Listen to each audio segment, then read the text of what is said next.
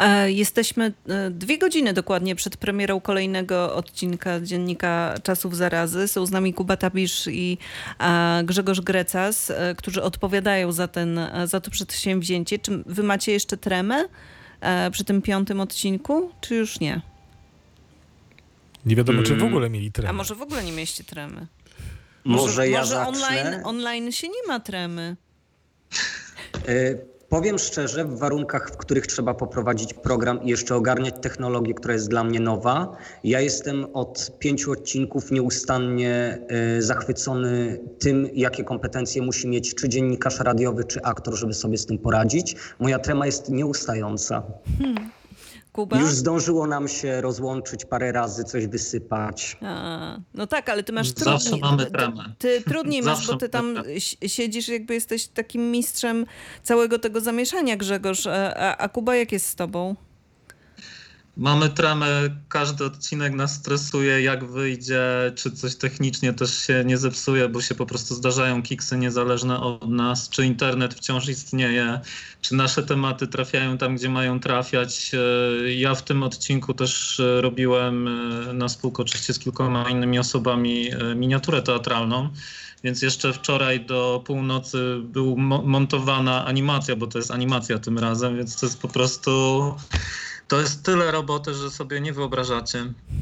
Ale e, powiedzcie, czy dziennik dorobił się przez te cztery odcinki dotychczas e, jakiejś swojej stałej widowni? Czy są tacy widzowie, którzy reagują na to, co robicie, którzy dają wam e, w jakiś sposób odczuć, że to było świetne, takie sobie, e, może czasami trochę słabe? E, Czy, czy e, jest ten odzew? Ja powiem, że tradycyjnie nasi bohaterowie, z którymi e, rozmawiam, a z, du- z dużą ilością osób już rozmawiałem, zaczynają się tym interesować i nas śledzą na bieżąco. Więc to, to jest to, co ja mogę powiedzieć. I oni na razie są zachwyceni. E, czy, czy coś słabego było? Jeszcze nam nie powiedzieli, może byli mili, ale no, czekamy oczywiście na odzew każdego rodzaju. Nie wiem, jak ty Grzegorz e, tutaj masz wrażenia. I, I ja mam na pewno takie wrażenia, że faktycznie rozdzwania się telefon po streamie. To znaczy, kiedy my kończymy, yy, i to nie tylko w swoim gronie, kiedy kończymy transmisję, rozdzwania się telefon e, od osób, które gdzieś są blisko teatru na faktach, od innych twórców, a przy okazji tego odcinka bieżącego, bo dzisiaj debiutujemy z nowym segmentem. Będziemy też y, puszczać wywiady wcześniej nagrane. No i tak się złożyło, że rozmówczyni, którą zaprosiłem do, do rozmowy, nauczycielka z Opola, y, znała Dziennik Czasów Zarazy, znała Teatr na Faktach, e, jak się okazało przy pierwszej rozmowie. Czyli Więc mamy może jeszcze nie mamy widowni telewizji Polsat, natomiast widownię mamy. widownia czasów zarazy również.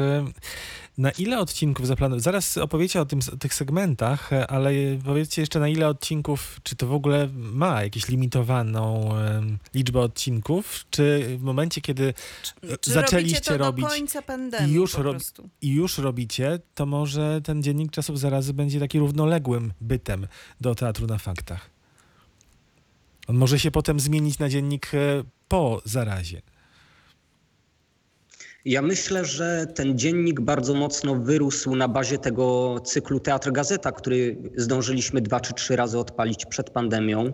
I tak naprawdę, co będzie po pandemii, to ciężko powiedzieć. To jest zupełnie inne medium. My się go coraz bardziej uczymy. Ono też gromadzi widownię, więc wydaje mi się, że, że to jest jakiś sposób komunikacji z widzem i opowiadania świata. E, Natomiast no, żadnej decyzji na sztywno jeszcze nie mamy. To, co na pewno wiemy na ten moment, ciężko by było, przynajmniej z mojej perspektywy, realizować spektakle i równolegle co dwa tygodnie przygotowywać odcinek. Bo kiedy się nie jest filmowcem ani youtuberem, to zajmuje sporo czasu. To, To- to To mamy- znaczy, to mamy jest- wyznaczony koniec epidemii, datę dokładną, dzienną. Aha, to kiedy to będzie? A, kiedy? to wiecie, kiedy? to Powiedzcie wy to kiedy. wiecie. To, To jest 30 października. E, Wtedy Dziennik Czasów Zarazy po 30 października będzie musiał zmienić nazwę na Dziennik Czasów chyba po zarazie albo jakiś, jakąś inną nazwę. Natomiast tak jak Grzegorz tutaj e, mówimy, to zamierzamy kontynuować, bo to strasznie fajna rzecz jest e, dać teatrowi taki oddech internetowy i po prostu rozprzestrzenić się do 100 razy większej publiczności, no bo mimo wszystko każdy może to oglądać z każdego miejsca, nie?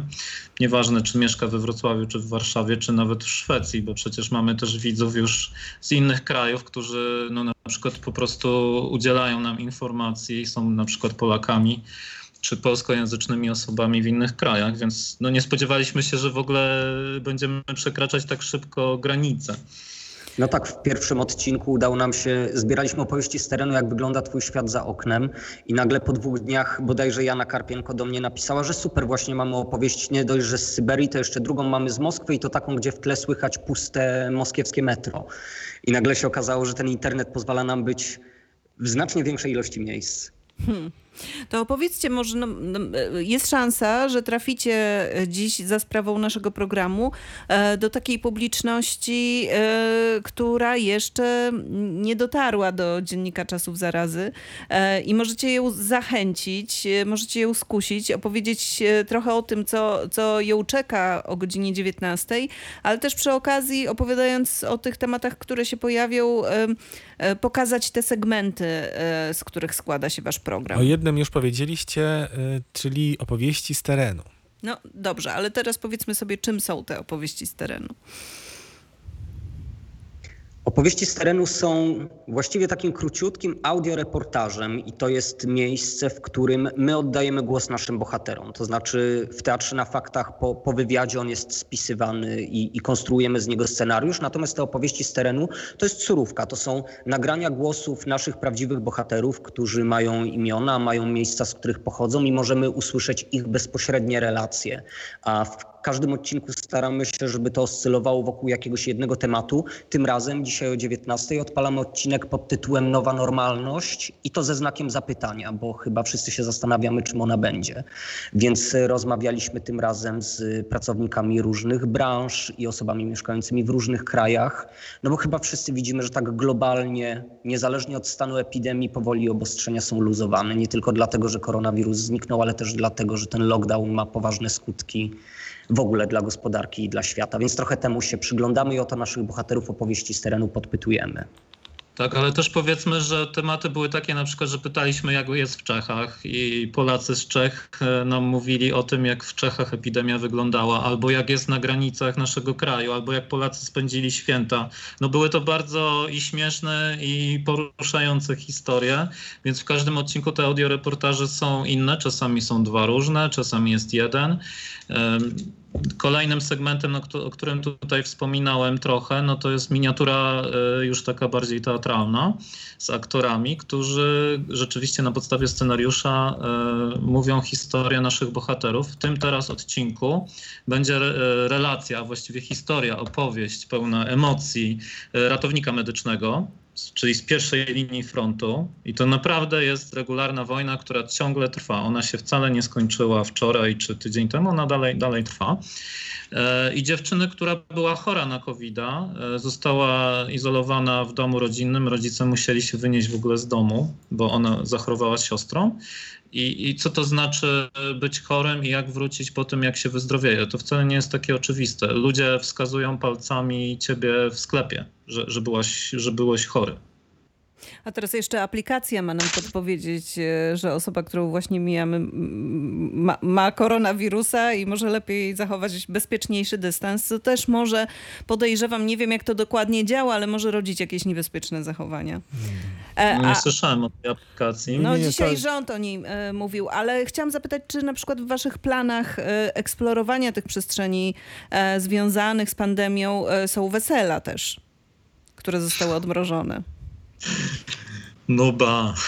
Są E, też ja- fryzjerze. Ja już notuję, bardzo dziękuję, ja już notuję. Jestem Są ciekawa też takiej e, relacji. pracownicy radia. No dobrze, pracownicy radia Wiecie, też. Nie? Nasza idea jest też taka, że każdy nam może sprzedać temat w każdej chwili. Nawet w trakcie programu ktoś do nas może napisać i my się z nim skontaktujemy. E, I tutaj są naprawdę różne tematy. Niektóre są, tak jak mówiłem, totalnie wesołe też, nie? Pozytywne, to, to nie, nie jest tylko dramat, tak? A jak byście y, określili ten wasz y, pomysł y, na program?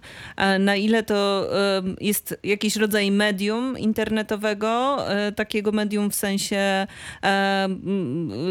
nośnika opinii pewnej i przekaźnika faktów, a na ile to jest e, kreacja artystyczna? Ja myślę, że jak, jak zwykle w teatrze dokumentalnym, oczywiście, że, że tworzą go artyści i, i szukamy artystycznego przetworzenia rzeczywistości, natomiast staramy się nawet w tej pracy filmowej, streamerskiej dalej trzymać tego, czym, czym teatr dokumentalny, zwłaszcza teatr verbatimowy jest. A, to znaczy opowiadać tych bohaterów i ich prawdę nie oceniając, nie, nie wartościując. Więc ja, ja o tym myślę tak, że to oczywiście, że jest działanie artystyczne, natomiast zawsze kręgosłupem i tym, do czego wracamy, żeby sprawdzić, czy robimy dobrze, jest ten wywiad, ten bohater i jego historia. Ja myślę, że my nie wymyśliliśmy żadnego słowa i to jest kluczowe, oprócz oczywiście segmentu komediowego z wiewiórem, który już jest kreacją bardziej e, wymyśloną, ale to też jest specjalne, żeby trochę dać oddechu naszym e, słuchaczom, widzom, no bo jednak poruszamy też poważne tematy. Ale kiedy zakładamy, że każde słowo, które usłyszycie, czy to w audioreportażu, czy to w miniaturze, czy oczywiście e, w wywiadzie, to po prostu powiedziała jakaś ży żywa, gdzieś żyjąca w Polsce, czy poza Polską osoba, no to sobie wyobraźcie. To są naprawdę, ja z każdym tym odcinkiem dowiaduję się cholernie dużo o świecie. Naprawdę. Po prostu to jest też źródło informacji, ale takiej mm, głębszej emocjonalnie. W sensie my bardzo pokazujemy perspektywy naszych bohaterów, bardzo pokazujemy, jak oni się czują z tym, nie tylko aspekcie informacyjnym. To jeszcze na koniec y, powiedzcie, już odchodząc od dziennika z czasów zarazy, czyli mamy jeszcze sporo odcinków przed sobą, a przed wami dużo pracy. No ale czy już myślicie, bo teoretycznie teatr może działać, może wystawiać, może próbować. Czy myślicie do takiego powrotu do normalnego? Co to teraz jest normalne? Do tego, co było? Przede wszystkim nasz projekt, który przeszedł i dostał dotację ministerstwa, e, on nie opiewa tylko na dziennik czasów zarazy, ale też na trzy spektakle, które już, już tworzymy i będziemy tworzyć przez wakacje i też e, je będziemy emitować online w październiku. Na początku października będą miały premierę, potem też będą miały formę fizyczną, troszkę inną od tej online'owej i nad tym też pracujemy. I też Grzegorz możesz e, powiedzieć o tym, co ty planujesz e, na festiwal opowiadania i tak dalej, bo myślę, że to też jest ciekawe. No Grzegorz tam No tak. ma całą paletę planów, bo i Modrzejewska jesienią, tak? Czy, czy tam Y? Już Mo- Modrzejewska już chyba przeniesiona nie na jesień, tylko na grudzień. Aha, Tam nastąpiła zmiana później. terminów, także ja, ja się z tego osobiście bardzo cieszę, bo jesień zrobiła się gorąca terminowo. Natomiast to, o czym Kuba mówi a propos festiwalu opowiadania, faktycznie ten mój projekt stypendialny będzie miał również pokaz jakiejś pierwszej wersji, pierwszego szkicu. E, Pierwsza układka tego spektaklu będzie też na festiwalu opowiadania pokazana w październiku. No to teraz zapowiedź od autorów. Dzisiaj 19. Gdzie was można zobaczyć i kto wystąpi w piątym odcinku Dziennika Czasów Zarazy? Y, Proszę, Kuba. Ja się jeszcze E, dzisiaj nagadam. Dobra, można zobaczyć nas o godzinie 19 e, na Facebooku Teatr na Faktach. Wystarczy wejść na Facebooka i po prostu dołączyć do transmisji live. Będzie można komentować tę transmisję i dyskutować z nami przez cały czas trwania tego live'u, a wystąpią wspaniali aktorzy, którzy przedstawią super bohaterów i niesamowite historie, które mogły wymyślić tylko życie i jeden wiewiór. Bardzo intrygująca zapowiedź. Dziękujemy Wam bardzo. E, Postaramy się stawić e, o 19 na, e, przed monitorami naszych komputerów, a jeżeli nie zdążymy, to Dziennik Czasów Zarazy, odcinek 5 będzie jeszcze dostępny przez jak długo? Przez długi czas. Przez długi czas. Tak. Przez długi czas. Zostawiamy je na Facebooku. Mamy też od niedawna odpalonego YouTube'a, więc jeśli ktoś całego odcinka nie ma czasu łyknąć, to pojedyncze segmenty też publikujemy sukcesywnie na YouTubie, więc też zapraszamy, żeby nas subskrybować na YouTubie. Tam jest to podzielone na tematy, segmenty, można same opowieści z terenu odsłuchać, pojedyncze miniatury. Także ja- jak kto woli spożywać kulturę. Tak, Wiesz- w ten sposób też chcemy stworzyć jakiś taki pełniejszy obraz tej całej epidemii, bo myślę, że po kilkunastu odcinkach naprawdę będą, będzie tam kupa historii. Dużo historii. Dużo historii. Chciał nam powiedzieć z różnych stron jakby. Na chwilę nam się Kuba zamroził, ale już się odmroził. Dziękujemy wam bardzo. A wiecie, co robią tacy rasowi youtuberzy w momencie, kiedy się witają albo żegnają? I, i ja, ja nie wiem i będę złośliwy, nie mam już 13 lat, więc nie czuję się w obowiązku wiedzieć. Łapki w górę przecież. Dziękujemy wam bardzo. Jakub Tawisz i Grzegorz Greca Teatry na Faktach. Dziękujemy. Dziękujemy. Hej.